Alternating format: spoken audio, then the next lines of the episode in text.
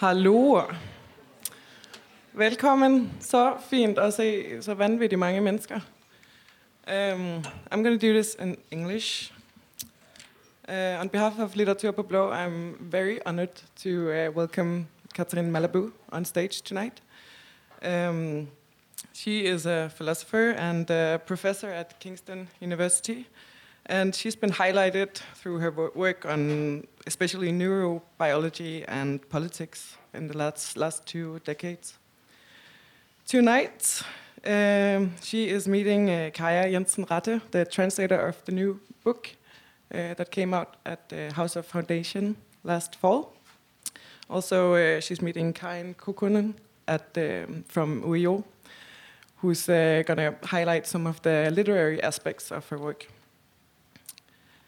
Um, this book from 2004 was Malabou's first work on in the intersections between neurobi- neurobiology, philosophy, and political issues.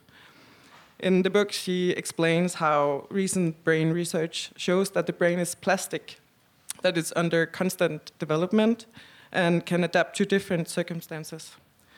Also, most importantly, maybe, that it's both formed and gives form. It's passive and resilient at the same time.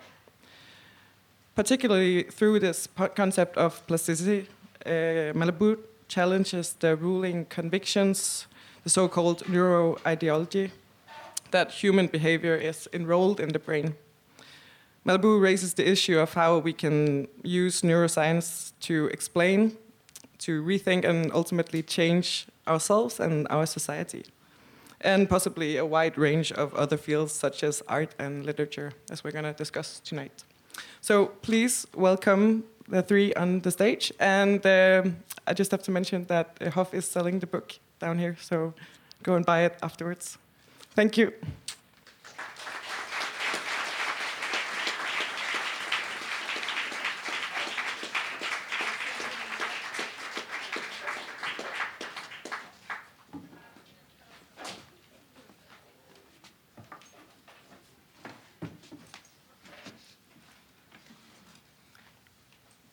Okay.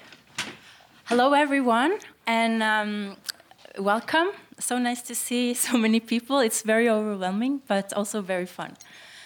Um, yes, so I'm just going to say a few words about how we're going to organize this uh, conversation, which I'm very happy that you're all here to be a part of. Um, in the beginning, uh, I will just start with asking some general questions, you know, to bring up some of the main concepts and questions that we um, that Malabou is writing about in uh, what should we do with our brain, just to cover some of the basics and ask um, some some introductory questions um, about the main content of the book.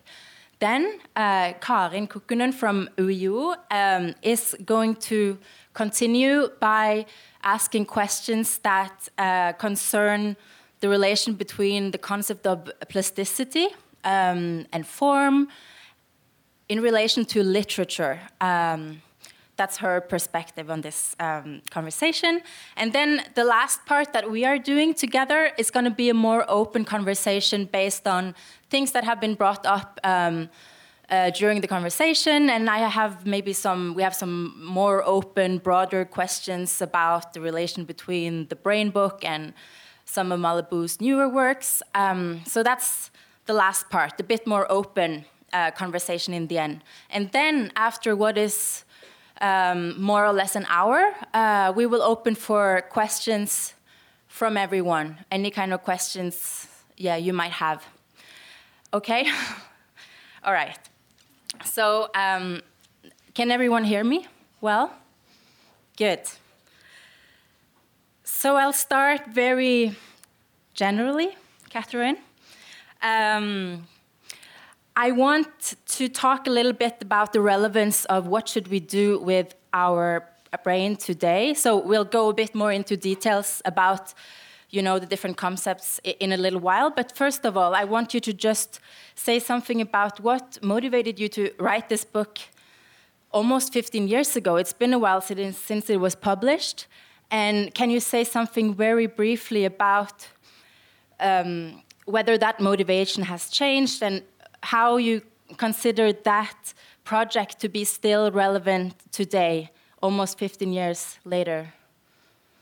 Okay. So first of all, um, uh, hello everyone. I'm very pleased to be in Oslo, and I, would like to thank uh, my guests here and also Kaja for her wonderful translation and, and my colleagues who very kindly um, set up this debate.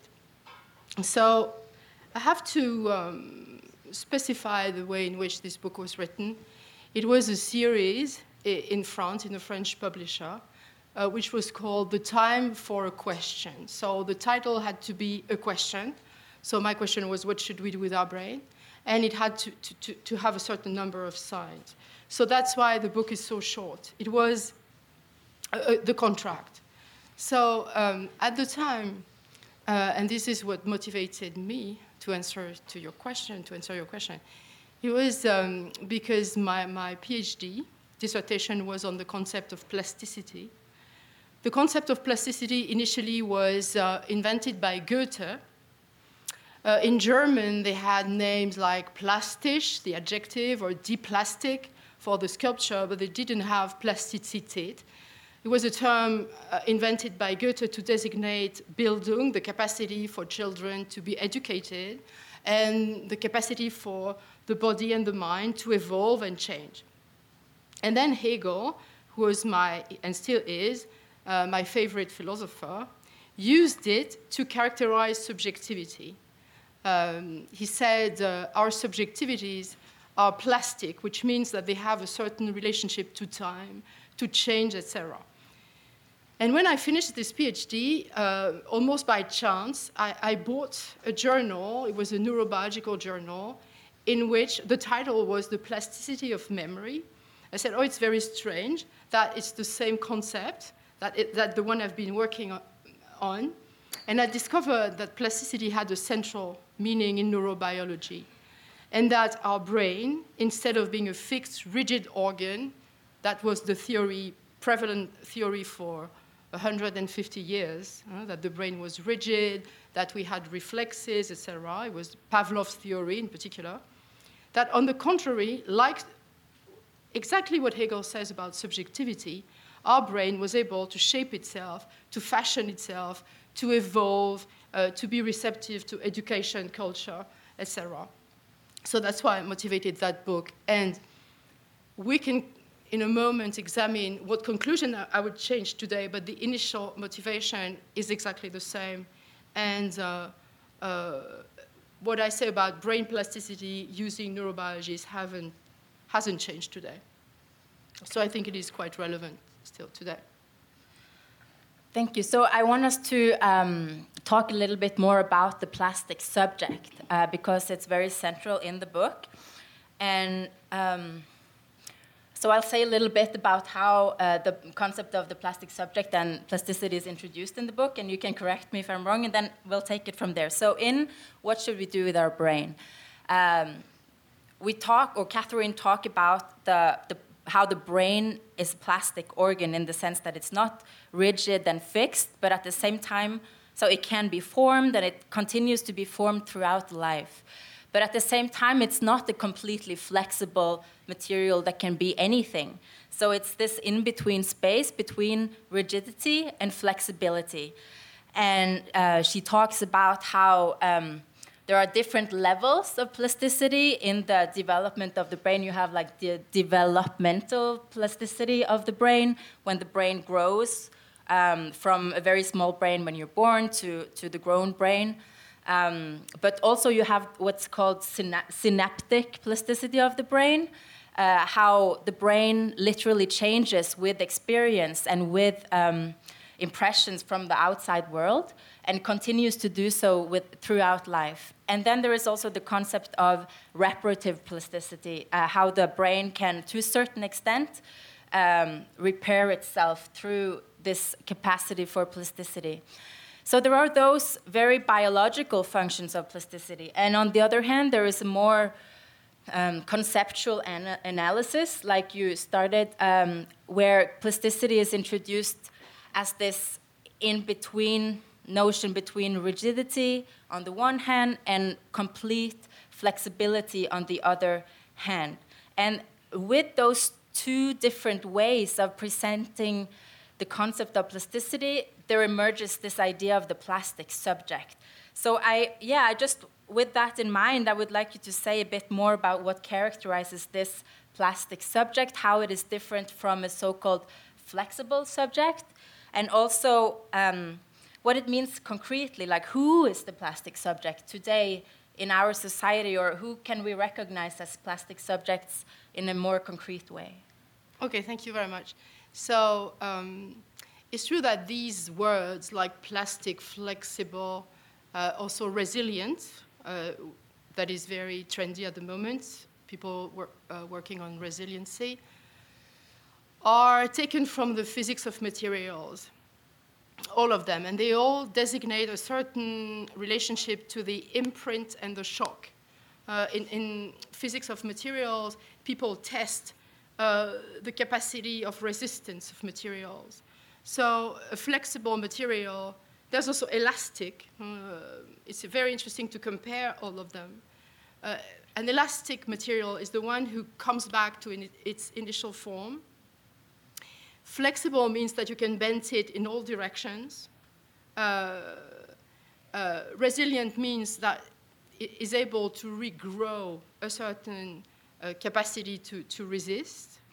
And plastic is very specific. It means that you can deform it, uh, you can transform it, but once it is shaped, it cannot go back, come back to its initial form. So that's why the plastic um, was meaningful in sculpture. It's because uh, once the form, and we'll talk about form in a moment, once the form is shaped, when the marble is shaped, it cannot go back to its initial form. So I was very much interested in this capacity to accept uh, the influences from the outside, accept the power of transformation coming from the outside, but at the same time, uh, the counter movement of resistance to the imprint. And to me, uh, I wondered, and this is what I developed in the book, if this could not um, shape a certain new mode of political uh, concept of resistance. My originary philosophical uh, background is a continental European philosophy, and at the time when I was a student, there was a, ban on biology. Biology was uh, supposed to be deterministic, uh, too objective, and philosophers used to oppose uh, biology with literature, with psychoanalysis, with, let's say, cultural studies. And I think this time has come to an end. I think it's not possible any longer to dissociate without knowledge or without within sorry knowledge or cognition to dissociate let's say the scientific from the literary. Because if it's true that biology is describing plastic subjects and this is true for the brain but this is also true for the genome now with epigenetics we'll come to this in a moment then it's not really possible to draw a strict frontier between a kind of resistance and formation, let's say in the political, cultural domain, and a formation in the biological domain. So my aim is also to reveal the potential, the political potential of biology, but not in a deterministic sense, but on the contrary, mm, I would like to show that, that freedom, that biology has a certain potential for freedom. So that was also something important in the book. Okay. So who are the plastic subjects? I mean, all of us. I mean, this is also, uh, I'm calling for consciousness, for awareness of what our biological being is. If you read, for example, Gilles Deleuze, he says that our real body is a body without organs. But this is not true. We don't have to, we don't have to to cultivate a body without organs. We have to live with our organic bodies uh, because these bodies are not, once again, something fixed and rigid. We are living with it. We are, uh, I mean, we cannot draw a line between the cultural and the material any longer. Thank you. So I think that my next couple of questions, um, I want to try and take some of those things that you were just talking about and um, take it a little bit slower uh, Okay. with some of those points. So the first one that I really want us to um, go back to is this relation between philosophy and science, and especially between continental philosophy and maybe neuroscience in particular. Um, and you already mentioned it, but can you say a little bit more in detail about what has been this rejection of a, re- a close relation to science from the part of continental philosophy? What is that? What is that um, um distance or skepticism? Why? What does that come from? And also, what would it be? Hmm, uh, in what way do you think that it is important for continental philosophy to engage with science more generally, perhaps, uh, in a more constructive way? And would that be a different way of engaging with science or neuroscience than, for example, analytic philosophy, which maybe you can also talk a little bit about those two different. Um, Okay, thank you. But this is a very difficult question Yes. because you cannot say that continental philosophy has one uh, uniform reaction No. against science. In fact, if you look at the let's 20th century continental philosophy, you find very different reactions according to the different sciences. For example, mathematics have still the highest privilege. Philosopher like Badiou, for example, uh, as you know, uh, develops a kind of mathematical ontology, and the power of mathematics has not been really challenged. If you take physics, because of the crisis of foundations, because of quantic physics, quantum physics, etc., physics also has a certain kind of privilege, and nobody would, would ever attack physics. hmm? But when it comes to biology, and this is what interests me, then you can see um, all, well, all these resistance appearing. So I think it's linked with two main reasons. I think it's because of Nazism, because uh, Agamben in Homo Sacer explains that um, Nazism was a kind of biologism, like the cultivation of race, ethnic purification, etc. So people are very defiant against biology because of that. And second, because of genetics, because of uh, determinism. Hmm? Like, um, you know, in, in the 70s when uh, biologists started to say that we were all uh, reducible to a code. So I think biology has been maybe among all sciences the one that has been the most deconstructed and challenged because of uh, this, because of the danger uh, it represents. You know, in a certain sense, mathematica, mathematics are not dangerous. can I just shoot in a question? Does Yeah. it, do you think it's because it challenges the concept of freedom? Yes, of course. Okay, and which is very central then to continental philosophy or Yeah. the different strains of continental philosophy? Yes. Okay, So that's why it was so important for them to say our body is not organic, uh, our being is not biological. Biology is something that has no um, political validity out, outside the biologism, etc. Uh, so you, you all know about this concept of biopolitics created by Foucault. Biopolitics is very interesting, but at the same time very challengeable because it, it reduces the bio in biopolitics to something extremely um, enslaving. And I think biology has to, to be liberated, philosophically, liberate, philosophically liberated from that. mm, I'm just thinking, do you want to say more about the biopolitics now? Because I think that is maybe a notion that we would need to explain a bit more Okay. thoroughly, but we can also come back to it later if you prefer. Well, Foucault explains that um, around, well, it started in the 18th century. The sovereign ceased to be the one who had the right of living and death on uh, his subjects, but that, on the contrary, power, political power, started to take care of us in, in the sense of uh, take care of our lives. So it coincides with the creations of hospitals, of uh, psych- psychiatric hospitals, of hygiene, of uh, population politics, etc., etc. And Foucault says this is a change. We might think that it goes in the sense of emancipation. In fact, it's another form of subjug- subjugation. Instead of killing us, uh, power is making us live, but in doing so, power controls our modes of living. So, for example, uh, we are shaped by education, we are shaped by prisons. We are, in fact, it's a system of control that is developing on our, about our lives. And psychoanalysis, for example, for Foucault, is another form of confession, where we are forced to uh, speak about our lives. So, biopolitics means control, political control, through the biological, through the way in which our lives are, uh, uh, are, are seen normatively. So, imposition of heterosexuality, all these things that Foucault explains in uh, The History of Sexuality.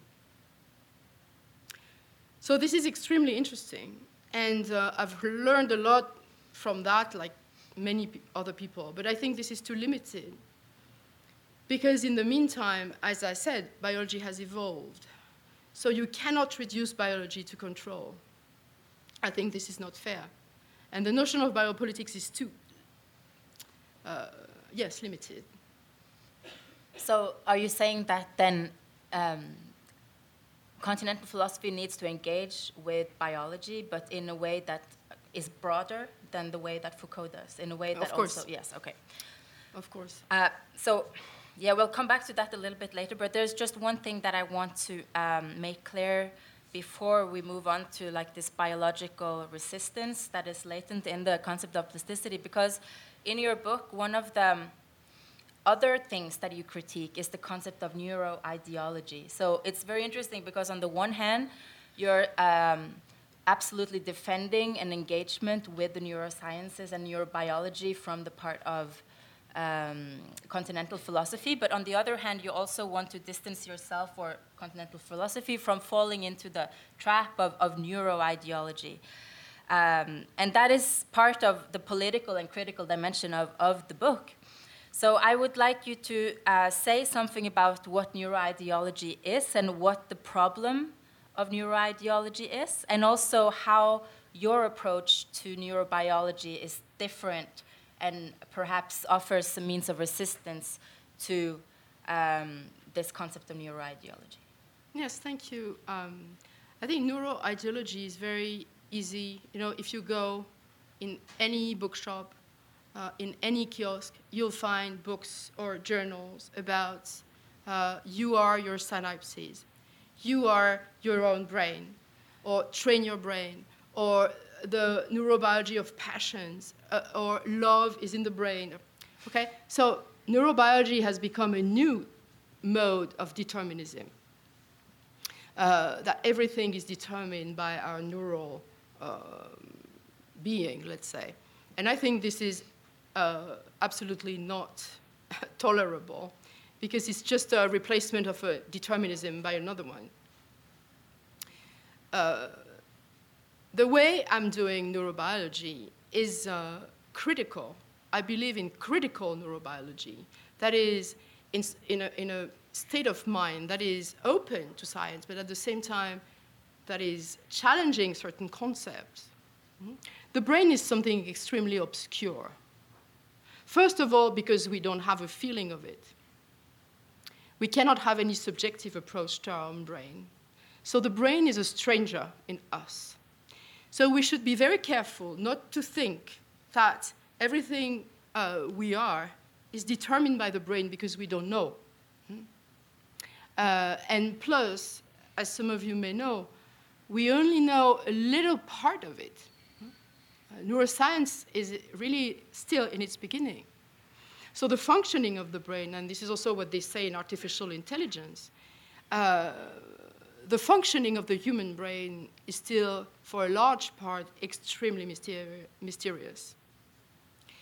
So I think that we have to function with these two contradictory uh, assumptions, which are first, on the one hand, let's be open to neurobiology because this is what is happening. I think this is the science of the future. And at the same time, be careful not to think that it will solve our, all our problems. Okay. So this is what I would say. Yeah, no, that's nice. Um, okay, I have a question that is uh, a little bit complex, so I need to use my notes.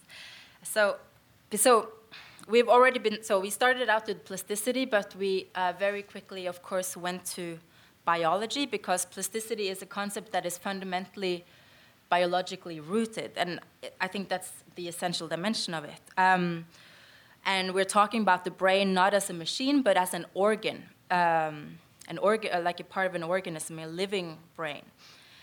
Um, and then there's this concept of resistance, uh, political resistance, and also resistance to the kind of neurobiology. Or I want us to talk about what concept of resistance is it that you are um, proposing in the what should we do with our brain. And let me say a little bit more, because it seems like when you're saying that there is a potential for resistance in the brain as a biological organ, it, that is very much connected to a sort of Foucauldian uh, term of resistance in so far it's, it's about transforming ourselves and uh, that because the brain can continue to be transformed throughout our life we have uh, a means of um, through that self-transformation mm, Mm. you know, resist. So, in a way, I, am curious about is that the kind of resistance that you're talking about? Um, and does that mean like that the resistance becomes um, a kind of ethics, you know? Because the resistance then, if resistance resides in our um, capacity to transform our brains, that is a, transformation that takes place in our local mutual relations you know? So we talk we get um, inputs from our external world and the brain transforms itself. Is that the concept of resistance that we're talking about? And the next question then that um, comes with that is whether it's, it's a bit unclear how that kind of activity of self-transformation what is it that makes it resistance and not simply adaptation for example. And that ambiguity sometimes for me makes it a bit yes, okay. difficult to understand even the relation uh, the difference between plasticity and flexibility. Because what is it that where is it that we are resisting exactly you know? Um, so i guess my my my question is is double. Like do you do you think that plasticity has this political potential for being a tool for resistance do you still believe that? And if, if that's so, how is it that this plasticity is biological? What does that mean? That the brain as a biological entity can serve as a kind of a model for resistance in different ways, perhaps? Okay, yes, thank you. Um, mm, this also is a, different, a difficult question. But if you, you're right to say that in Foucault, in the later text by Foucault, like hermeneutics of the subject mainly, it says that resistance and you're totally right, is um, the only way of resisting power is not to look for a kind of external region outside of power, because this does not exist, but to transform yourself. And this, this is what he calls the ethics of care, the care of the self. Uh, and he, in order to understand that, he uses uh, ancient models uh, like in the Stoic philosophers, that Stoic philosophers compared our soul to a branch, flexible branch that could be shaped. And Foucault, so he, he learns a lot from these um, ancient wisdoms and say the only way to resist power is to transform yourself in order to become unrecognizable. So nobody really knows who you are, so it's impossible to control you because you will always have a way to, uh, uh, to undergo a metamorphosis that will make you unrecognizable. So, of course, th there's a link between this and, and, let's say, my modestly plasticity. But, but the difference is that in Foucault, this mode of transformation is always conscious. It's a decision. I mean, even if you don't know the result, you can engage consciously that kind of wisdom. The, well, brain plasticity cannot be conscious because, as I said, we don't have any subjective experience of the brain, and this is what makes it very interesting.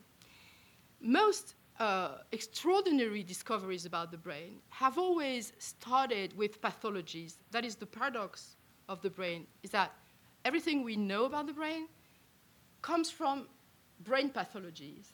Uh, Damasio, who's a prominent neurologist, says our method is brain lesions. It's when the brain dysfunctions that we can know something about it. When it's normal, we know nothing. It's silent. But when we study traumas, brain lesions, neurodegenerative diseases like Alzheimer, Parkinson's, etc., this tells us something about our being.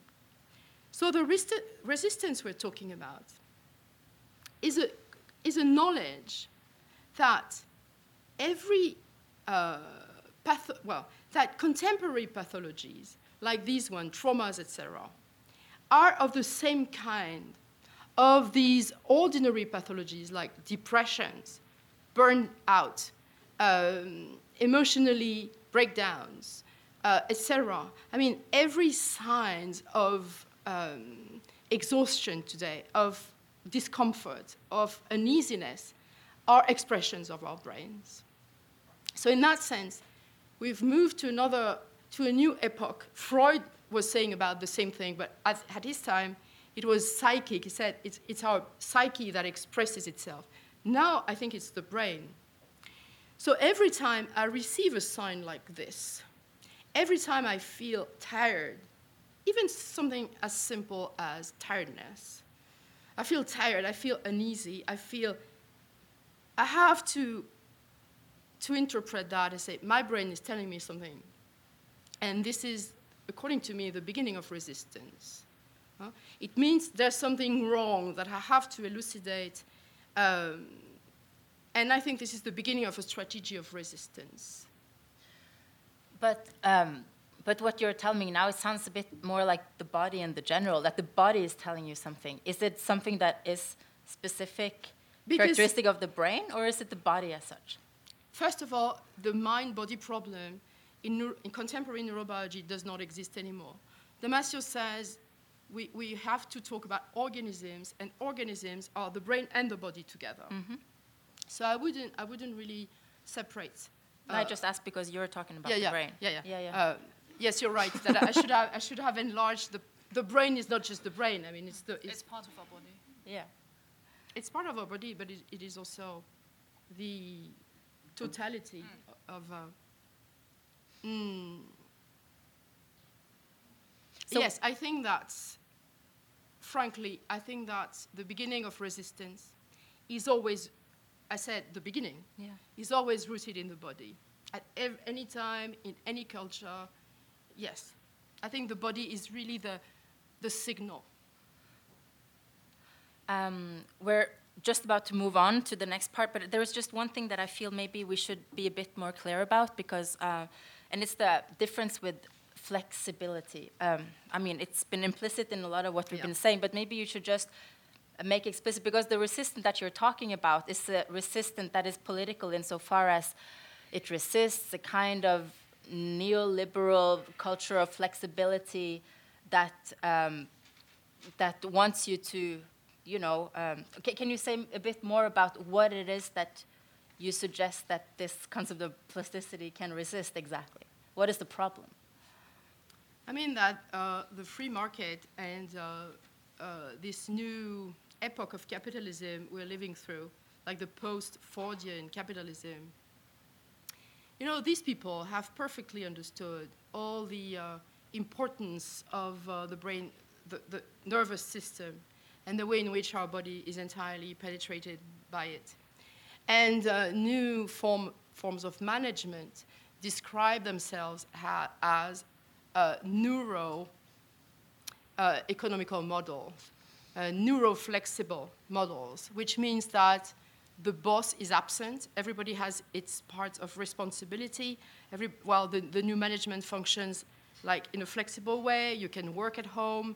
You don't have to be present, etc. So it's, it's an, um, a semblance of freedom, but again, it is a, a, new mode of control. So flexibility is an important uh, concept in neuromanagement. And I'm sure you've seen that. Like you have to be flexible, meaning that you're supposed not to have a family. You're supposed to be able to live the city you're living in, to live the country you're living in. You're supposed to be totally mobile, to, to, to, to, to go and travel for kilometers to, to find a new job, etc. So flexibility, as I said, is, means that you can be bent in every direction. And I think this is what uh, this new epoch of capitalism is asking for us, is demanding of us. And plasticity for me is a way to resist. The affirmation of plasticity is a way to resist flexibility. It's pl plasticity against flexibility. Because plasticity, as, as I said, has uh, supposes thresholds of resistance. Mm -hmm. Okay. Um, For example, yeah. sorry, in no, France at the moment, but I suppose you have the same debate here, it's about the flexibility of labor.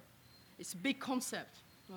To be, uh, yeah, the flexibility of labor, meaning that you can work like two hours today, six hours tomorrow, and you never know in advance what, it, what your schedule will be, you know, that kind of thing. So could you imagine, for example, a, a notion like the plasticity of labor? Like, is, how exactly, like more concretely, could the notion of plasticity make us rethink that political situation? Well, I think that's one, one of the political problems that, that we now have. Um, I mean, at least in the West, is that the state has become, uh, let's say, an obsolete structure. Uh, whatever we might think, but that's the, we're living the end of the welfare state. Well, in different degrees, of course, but this is a global, I think, fact. And uh, as you know, Trump is constantly speaking about the necessity to dismiss state, but even in, in uh, social democrat kinds of uh, system, the, the, the, intervention of the state is less and less uh, requested as a political solution. So it means that we'll, we'll have to do by ourselves. So I think here there are two possible models. Either this kind of infinite plasticity, uh, flexibility, sorry, and you find that in neoliberal literature, like in Nozick, or people like Milton Friedman or Hayek, like free enterprise, autonomy and competition and freedom uh, in the economic sense.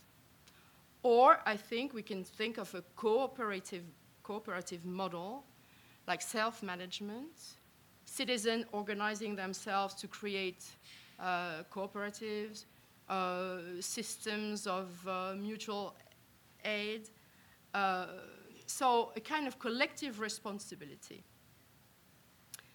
but decentralized. So to me, we have to reproduce the brain model, but not in the sense of flexibility, yeah. but in the sense of networks of uh, mutuality. I would say that mutuality is, is important. Okay. Uh, yeah. Thank you. So, um, yeah, I'll pass the word to you. Let's um, talk about literature. Yeah, let's get away from politics. Yes, no more. I think we will come back to politics with the literature questions as well. Um, but I, would like to start with um, some words that you use in What Should We Do with Our Brain, which to me um, seem to be generally um, artistic, literary words like form um, and sculpting. And as I was reading you, I was wondering in how far are forms and, and, sculpting and also plastic. I mean, as you pointed out in the beginning, plastic also refers um, to sculpture. Um, in, in how far are these relevant to you also in, in their artistic, uh, literary meaning? Well, we're changing, we're totally changing yes. grounds. um, this also, I mean, uh, if I, if I go, come back to my philosophical formation, that was this uh, resistance to biology, but also mm. this strong resistance to form. Mm. So, for example, in Deleuze, uh, when he talks about Kafka, you know, the metamorphosis, he says, oh, Kafka is very weak uh, in this short story because uh, Samsa is getting a new form. And uh, Deleuze says a, a genuine metamorphosis has nothing to do with the form, but, but with a mode of living and with a, an association with another being. So, according to Deleuze, form still means presence and family and a structure, a gathering, etc. And I think this anti form movement that was so present in uh, post structuralism is very dangerous because um, a form is not, once again, necessarily something normative and fixed and rigid. Uh, I think, well, at least this is my, my approach. Life is a form. Uh, life as it is present in all of us comes to us in a certain sense, always in a certain uh, form.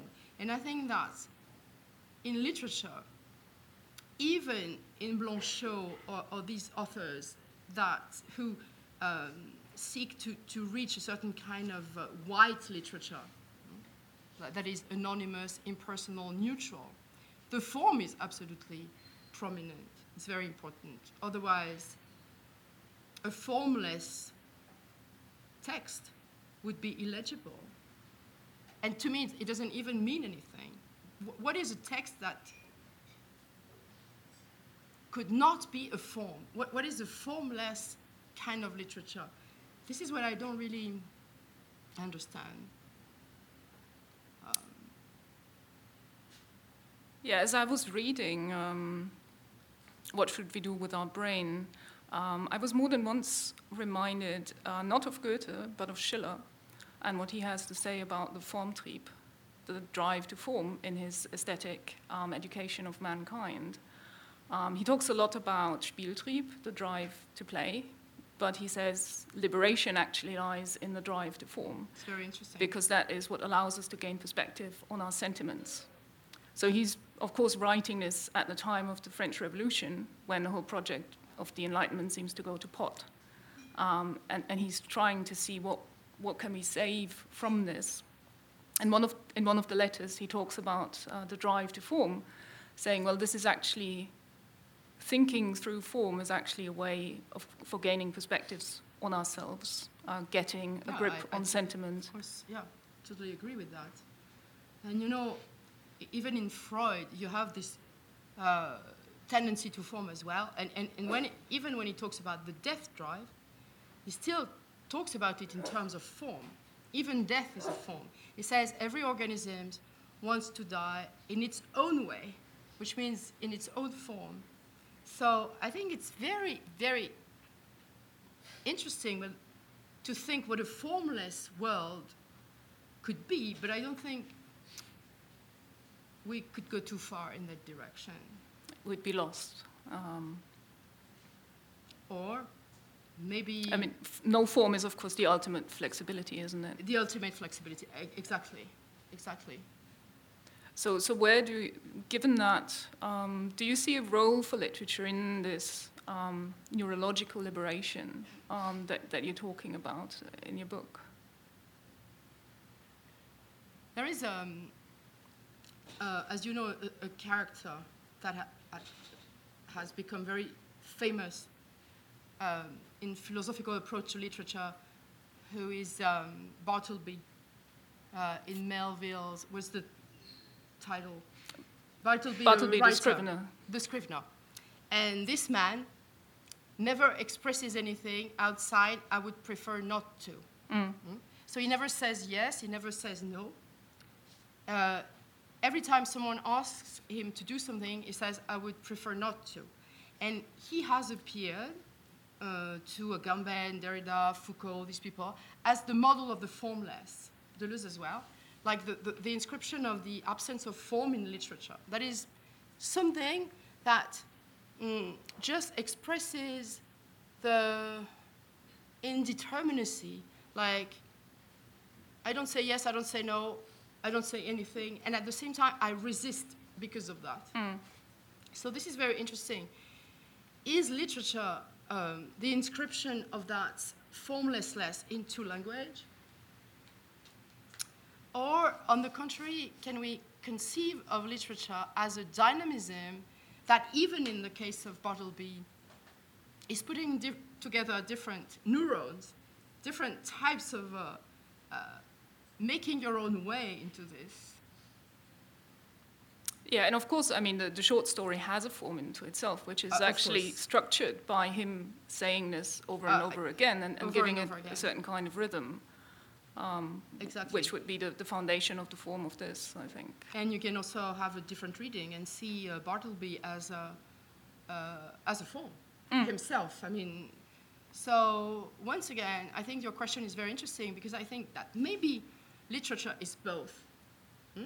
And that's maybe in literary theory, which is not at all my field, it would be interesting to develop this inter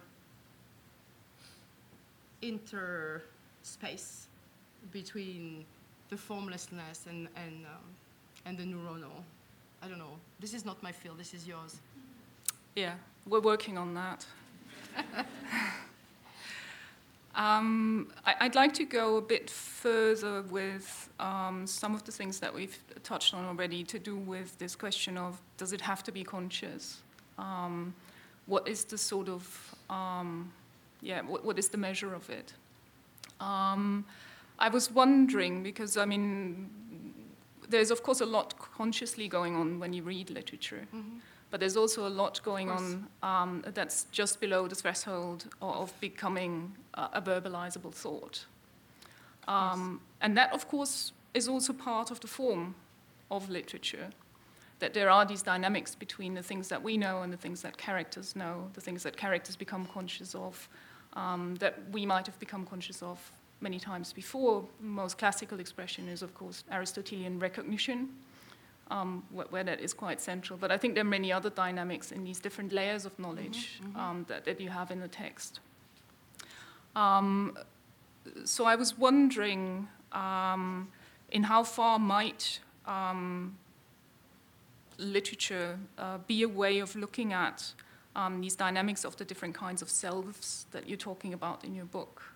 Um, the, the proto self, which is not conscious, not narrativized, um, the mental, um, the conscious self, and then the autobiographical um, self. Do, you- do you see any potential there? So maybe we have to explain what these terms Mm. mean. So these terms are, are not mine. They were uh, coined by Antonio Damasio in his book uh, Descartes' Error. He shows that our brain identity, our brain self, has three levels. The proto self, that is not conscious, it is the homeostatic loop that maintains our life in check. You know? Like it's body temperature, I don't remember the criteria. Uh, body temperature, Blood sugar. uh, blood sugar, the, the rightness of the skeleton, um, something in the muscles, etc. So it's a series of loops that constantly works, and they are what maintains maintain us in, in well, alive. Then you have uh, the conscious self, so it's the one I'm using at the moment to talk to you. Uh, and, and then the autobiographical self, that is the, the capacity that we have to make narratives about uh, our lives. Um, so, yes, I think it can perfectly function in literature, but it depends if you. It depends on what is your angle of analysis. To me, it's more interesting to question the style Mm. in those terms rather than the characters. Mm. You see what I mean? Uh, to me, I think we can, yes, have a, make a distinction between wh- what in a writing style is proto, conscious, and nar- the narrative proper. To me, it's more interesting that, than uh, interrogating the characters for themselves. But Yeah. yeah, Yeah, and I guess that the next step after that would be to move away from um, just looking at representations yes, of this absolutely.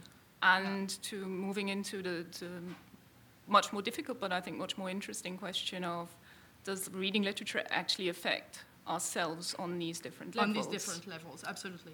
So I think it's the, it's the matter of the relationship between the writing, I think, Mm. the material, and our, let's say, unconscious or uh, psyche or psychic brain. Absolutely. Yeah. Mm, I, I actually think it might work. I mean, it works obviously on the autobiographical level in the sense that we pick up stories from literature to feed into our own autobiographical narratives. Um, But I think it it's also functions at the level of the core self or the proto self, because when you when you're used to read, it becomes part of you. But I mean, biologically speaking, you know, so it, it becomes part of the homeostasis Yes, yes, system that, yeah. that you were talking Yeah. about. Yeah. Hmm. Um, and if I understood you right, as you were talking about the, the, the plastic self and, and its, um, yeah, these sensors for resistance, where you notice something is a bit off with your body and, and your brain, that seems to be rooted in the proto self, um, isn't it? yes.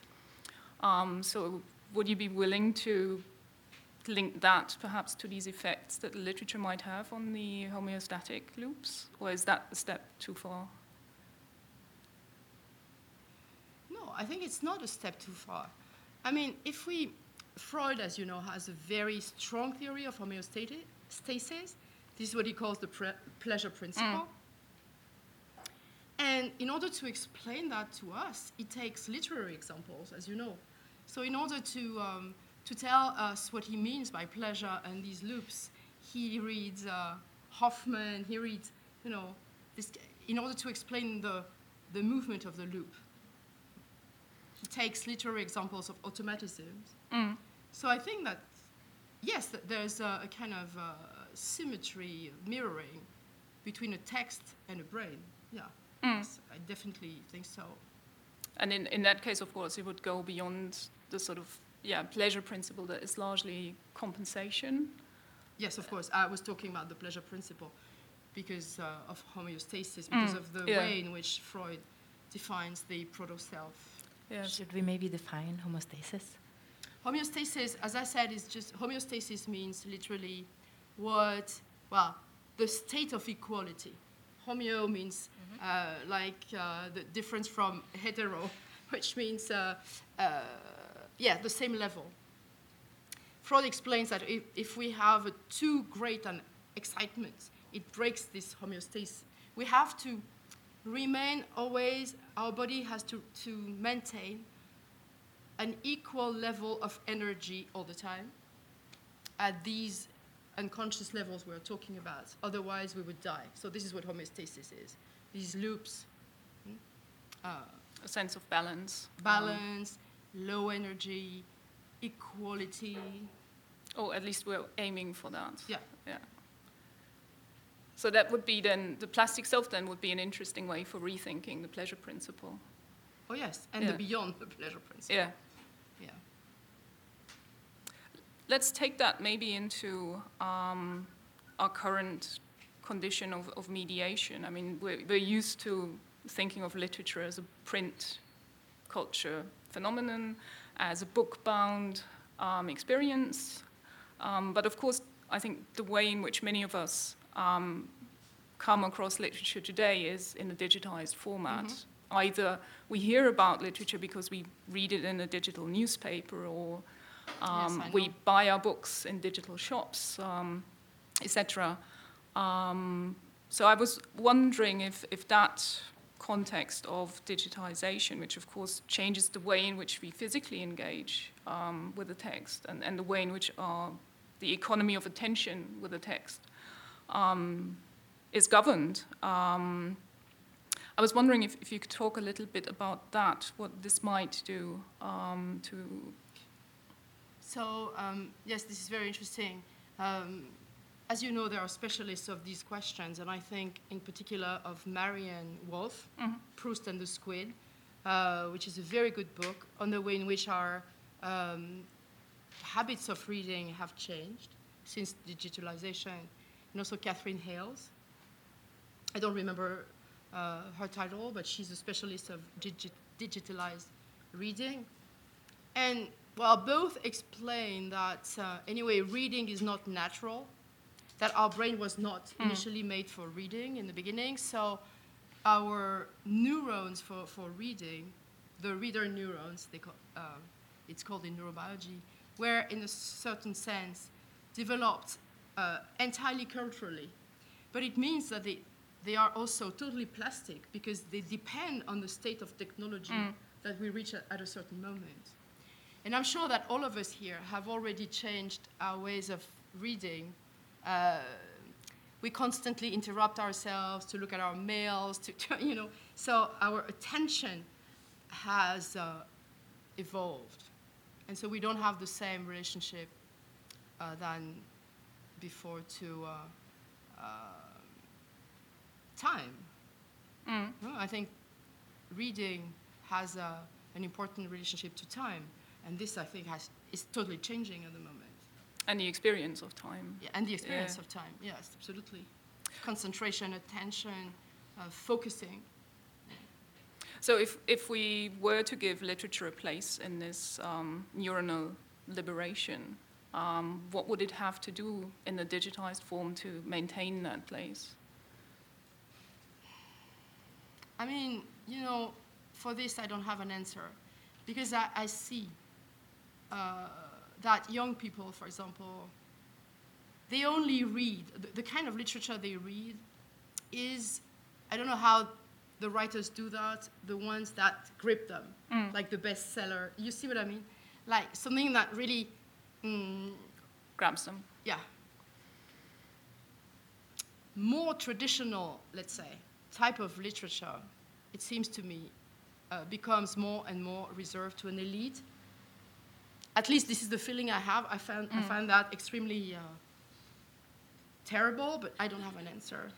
So I guess it's a question of education at the Yeah, end of the I day think- to, to give access to that. And, and I think that, yes, I mean, at the moment, this is something that we should think about very, very strongly in education, in pedagogy, in, in literature department, that when you don't rape people, they don't read. See what I mean? Like, if you don't have these strong, mo- bankable kinds of uh, narratives, Yeah. So it, yeah, it's, it's about giving people access to the, the narratives that don't grab them by the throat, Yeah. but, but that want their form to be discovered A- absolutely. by and by. Yeah. yeah, absolutely. Okay. Okay. Well, thank you very much. I hope. Um, I mean, we can move on to. I have a couple of extra questions, but there, is there something you wanna? Yeah, we'll take questions too from everyone. But um, is there something more you want to say about what has been brought up so far?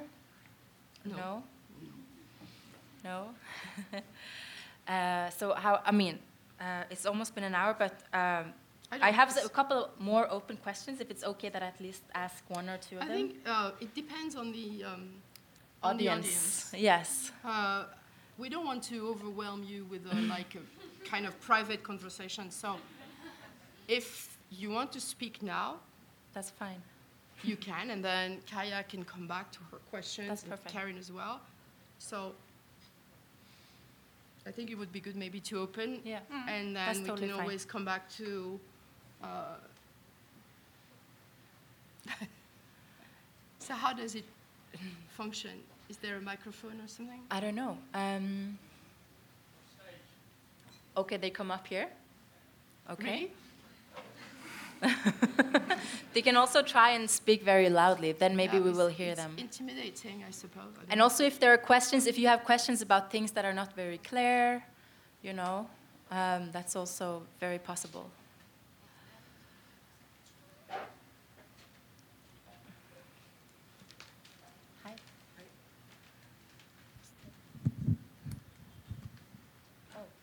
Just wanted to help with the,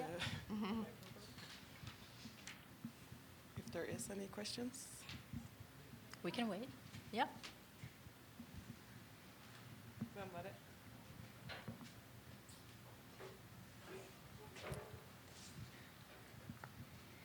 Hello, thank you so much. A wonderfully interesting conversation, and I really want to read your book. Uh, the first uh, thing that sprung to my mind when I heard about the notion that the brain is plastic is because I know a lot of people who work with child services, and that there is often this doom that if a child has had a rough life up to the age of two or six or seven, they are doomed for the rest of their lives. They can never escape these patterns. Can you say something about that? Have your discoveries uh, contributed to disproving this uh, horrible notion? Yes, thank you very much. I, I, you know, uh, it's impossible to lie on these questions. I, I think that when the trauma has been extremely violent, it's very difficult to recover. Uh, but here we're talking about very severe conditions of life. But so in those very severe conditions of life, you have resilience. I don't know if you say resilience or resiliency in English. Resilience? Resilience. Okay. So, it, and it's very random. Some children can still escape this fate, but some uh, don't. So, yes, there, there is a point, and this is, uh, we were talking about resistance. It's also at this level. There's a point where plasticity is really destroyed, unfortunately. Uh, okay? That's why we're not flexible. That, that's another proof of that. But if you accept these cases that are extremely severe, um, the brain can do extraordinary things. For example, in certain cases of epilepsy, if you amputate a child from the left side of the brain, the brain entirely regrows. So the brain has compensatory capacities that are amazing. But of course, when the trauma is, is too strong, Mm.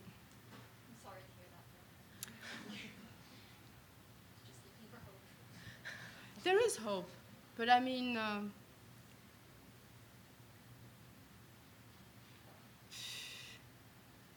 uh,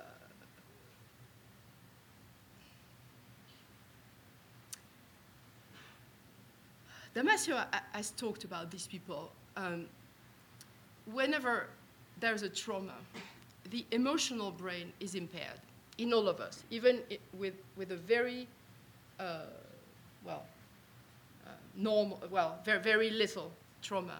The emotional brain is always impaired. So, in certain persons, the emotional brain is so impaired that the person becomes, in a certain sense, indifferent, what we call indifferent or cool. And Damasio says cool or unconcerned. And the capacity, what is destroyed is the capacity of affect. So some people um, have their affect impaired, and this is very difficult to, to, to cure. You, you have this also in very advanced Alzheimer uh, diseases where the person seems to be totally uh, indifferent to everything. So this is at the moment the thing that neurobiologists are really trying to um, understand and solve. Yeah.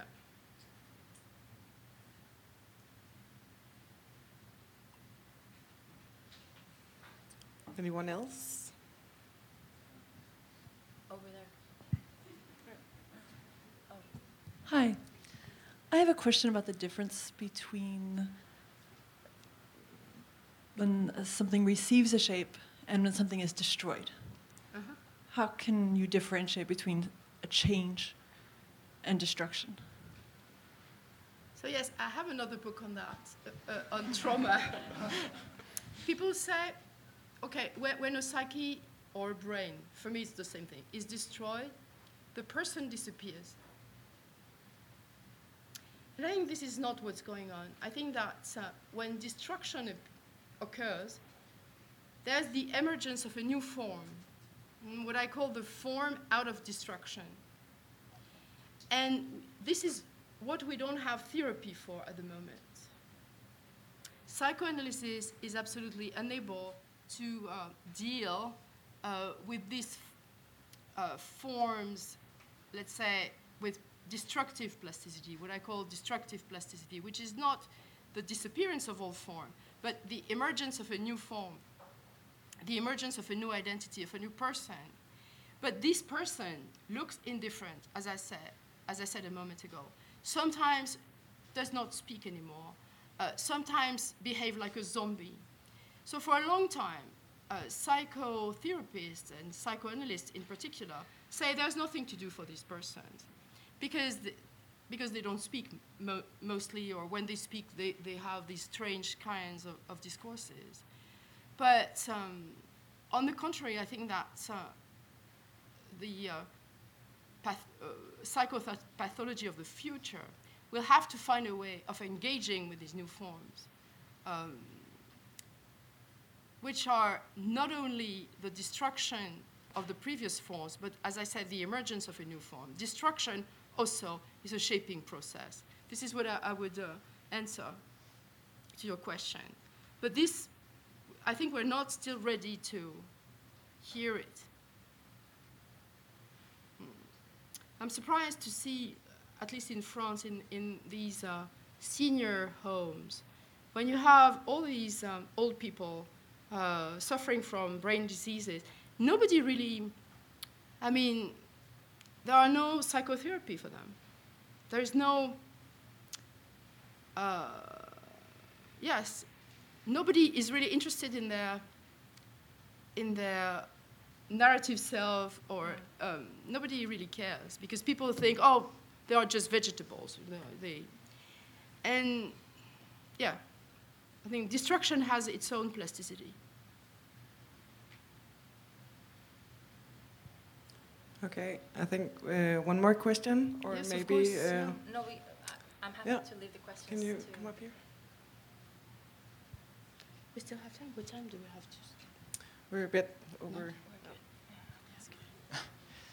Okay, um, uh, th- thank you so much. I'm going to try to be as short as I can. Uh, the first question is How do you define freedom uh, in order for it to function with uh, your model of the plasticity, plasticity of the brain? And, and I mean that if, uh, if we react deterministic to, to situations, that means we can never be free, right? But um, to be free means that you don't have to act deterministic. So how do you get from being caught in this loop of determinism in order to break free? Or is, do you have to read the book to find that out? is that like a selling point? I mean, uh, to be free, first of all, I think means that you can't be free. Well, I, I, let me, because it's difficult to say from, in English, from, um, that you know, it means that you know exactly what you can do. Okay? So, for example, to think that you can emancipate yourself from biological determinism is an illusion. So this is not a good way of talking about freedom. Okay? Uh, I mean, we have a certain number of determinations. Hmm? I never said that biology was totally indeterminate. We have a certain number of determinations, our biological being, but also our language, our ethnicity, to, to think that we can emancipate ourselves from that is, is, a, is a dead end. Freedom is not about that. Freedom is about what we can do. But once we know what space hmm, coincides with what we can do, then we have to do it. And this is what freedom is. Freedom is the coincidence between what we can do and what we want to do. This is Kant's, uh, you know, the philosopher the great philosopher of freedom, this is what he says. If you want it, you can do it. Okay?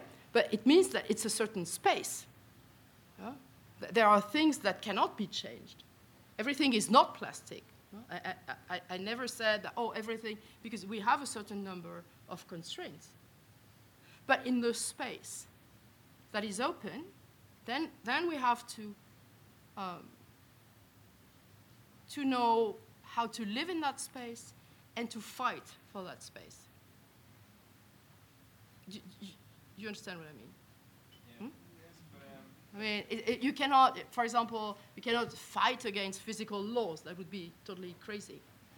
Except if you're in a fictional world. Of course, you, you can always imagine other worlds, of course, of course.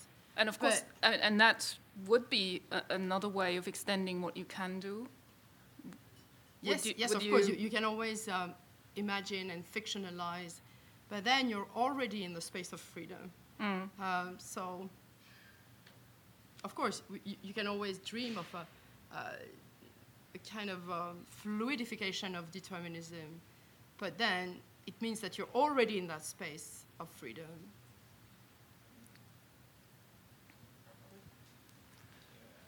Yeah, I'm afraid we have to maybe uh, give the word back to Kayan. Kayan, But uh, that's, if I, you mean, have I don't have to ask those. It's not. No. I mean, you know. We are free. We are We're free. free. if there's anything better It's- here, no, I mean, no, it, it's it's not. They're just some questions. No. It's not a big deal.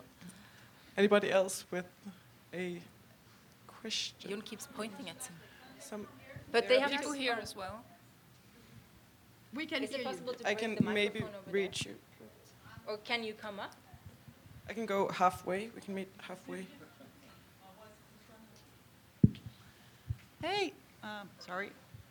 Uh, I just wonder if it's um, it's a difference between the plasticity of, uh, for instance, uh, less evolved part of the brains, for instance, limbic system uh, versus the neurofrontal cortex, regarding to the degree of plasticity. If you Um, the degree of plasticity, well, the limbic system is where memory is. So I think this one is certainly the most plastic because it is, uh, well, it is shaped by uh, our capacities to memorize. And this is where all our memories are. The frontal lobe, and this brings me to um, the uh, first question. When it's severely impaired, it loses its plasticity. Well, well, but you might also object that memory also can lose its plasticity. But I, I do think that the frontal lobe becomes more quickly uh, damaged than the limbic system. You know, for example, in neurodegenerative diseases, it takes a long time for memory to, to totally disappear rather than this indifference I was talking about, can, can come very, very, very qu- quickly. So I would say that. Hmm?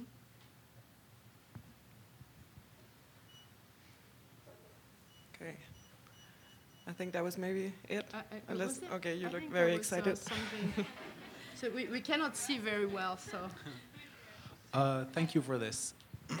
I I was um, wondering. but I was then next.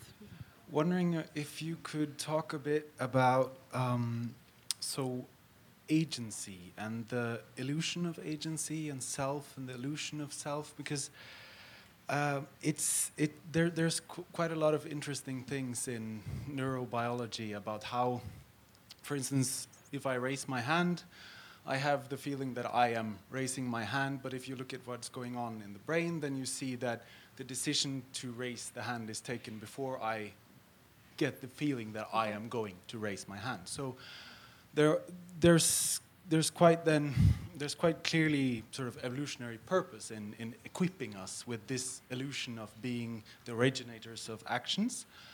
And then, uh, if, so if you look at someone like a person with schizophrenia, for instance, they have less of this and therefore suffer from this. They have less of this experience of being originators of actions and suffer because of this. But then in neurobiology, there are then suggestions that this might in fact be closer to the actual reality of our being. So I'm interested in then in to hearing So your what, thoughts. what exactly uh, is your I'm interested in hearing your thoughts on this, on, on, on, on, the, on the possibility of being a self and on and what that, that means and what it sort of, what is the reality of this self versus Yeah. the illusion that Yes. we are equipped Yeah. with Okay. of having a self. So, um, okay, thank you very much for that. So, it's a very difficult question because on that point you have like a hundred different interpretations. So, because of course everybody says uh, if everything is originated in our brain, and it, this also uh, brings us back to freedom. What is what is uh, agency? Am I free to act, etc.? Am I the origin of my own uh, actions, etc.? So it's a, it's a very big question in neurobiology today, like um, willingness, etc., etc. So my approach to that um, comes from um, a book which I admire very much by Thomas Metzinger. He's a German cognitivist, cognitive psychologist, and this book is called Being No One. And he explains that the self, the, but the second level, that is the conscious self, for example, I think that I'm speaking at the moment, which is true, but I think there's a kind of immediacy between what I think and what I say. And Metzinger shows that this is a total illusion. That it, in fact, in order for me to speak at, the, at this very moment, it implies an in, indefinite number of loops in my brain. It's, it's a very long process, but my brain erases it immediately. So we have this feeling of immediacy that when I think some, something, I express it. But in fact, there is a strong delay. But at the same time, all this happens so quickly that we, we, we, we're not conscious of it. But yes, there's a strong discrepancy between what I think I'm doing, what I think I'm uh, thinking, and the reality, the neural reality of it. There is no, in fact, uh, the brain creates, Metzinger says, the illusion of a transparency. He says our brain is like a window. We think we look through it. huh? But in fact, uh, this window is opaque. huh? I mean, all the processes are erased, but they are still present. I, I don't know if I'm clear when I explain this. Can I ask a follow-up question on that? Yeah. Because i- how is that then different from the determinism? Um, if you know uh, the deterministic view of the brains, like what you mentioned in the beginning, you know, uh, uh, your love is in the brain, you're just your neurons, all of that. You know, how is it? What you're saying is it still compatible with the notion of freedom at all, or does it disappear? Yes, what he, what he means is that we should stop originating everything that we do or think, etc., in a self conceived as a substantial subject. Yes. So it means that we have to break with, uh, like, to go very quickly, Cartesian model. But we're free. Okay? It doesn't change anything to. Uh, hmm? I mean, when, when you say that, what happens in your brain and what you think happens in your brain, if there's a dis- discrepancy between both, so what? Hmm? What, what it breaks is uh, the illusion that our subjectivity is something, um, yes, substantial, uh, is an origin. Okay? The self is an effect, it's not an origin. This is the, the, lect- the lesson of that. But for example, there's another philosopher, I don't know if you know him, his name is Ray Brassier, and he wrote a book called Nihilism Unbound. And he says, no, on the contrary, uh, we can say then that if we don't have substantial selves, then it's the door to communism. He shows that, according to Metzinger, if we follow Metzinger in a certain way, it means that, on the contrary, we can build a model of equality, uh, depersonalization in, in the good way. No, it's not antagonist uh, with freedom.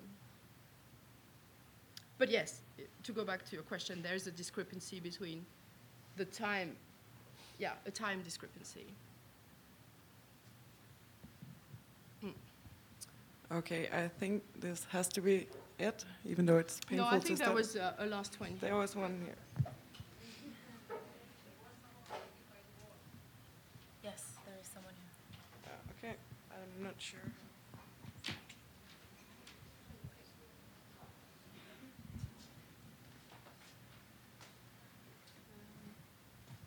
Okay. I haven't read your books. I'm not known to the subject. But when you were talking, I was thinking about um, language.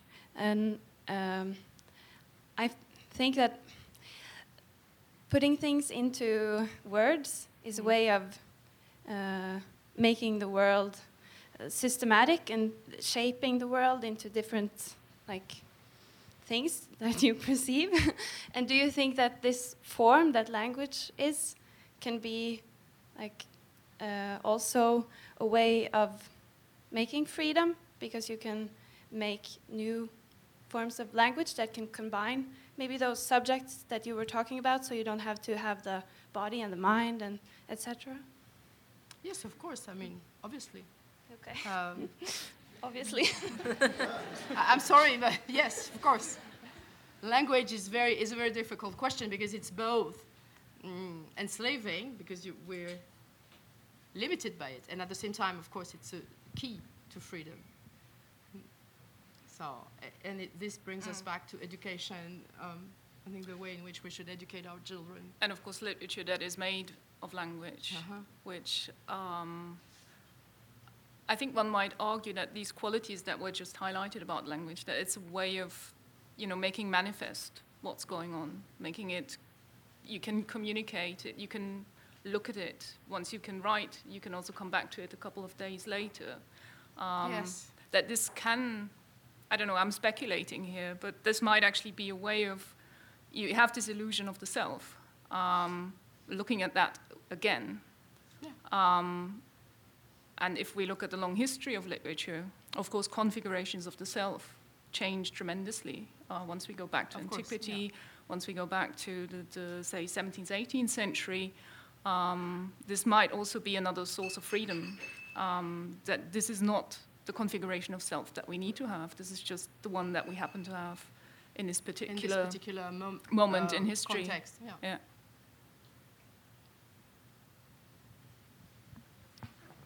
Right. Anyone else? Or do you maybe have some closing comments? No? No one? Okay, then uh, thank you so, so well, much thank for you very much for, coming. for your questions, for your attention, for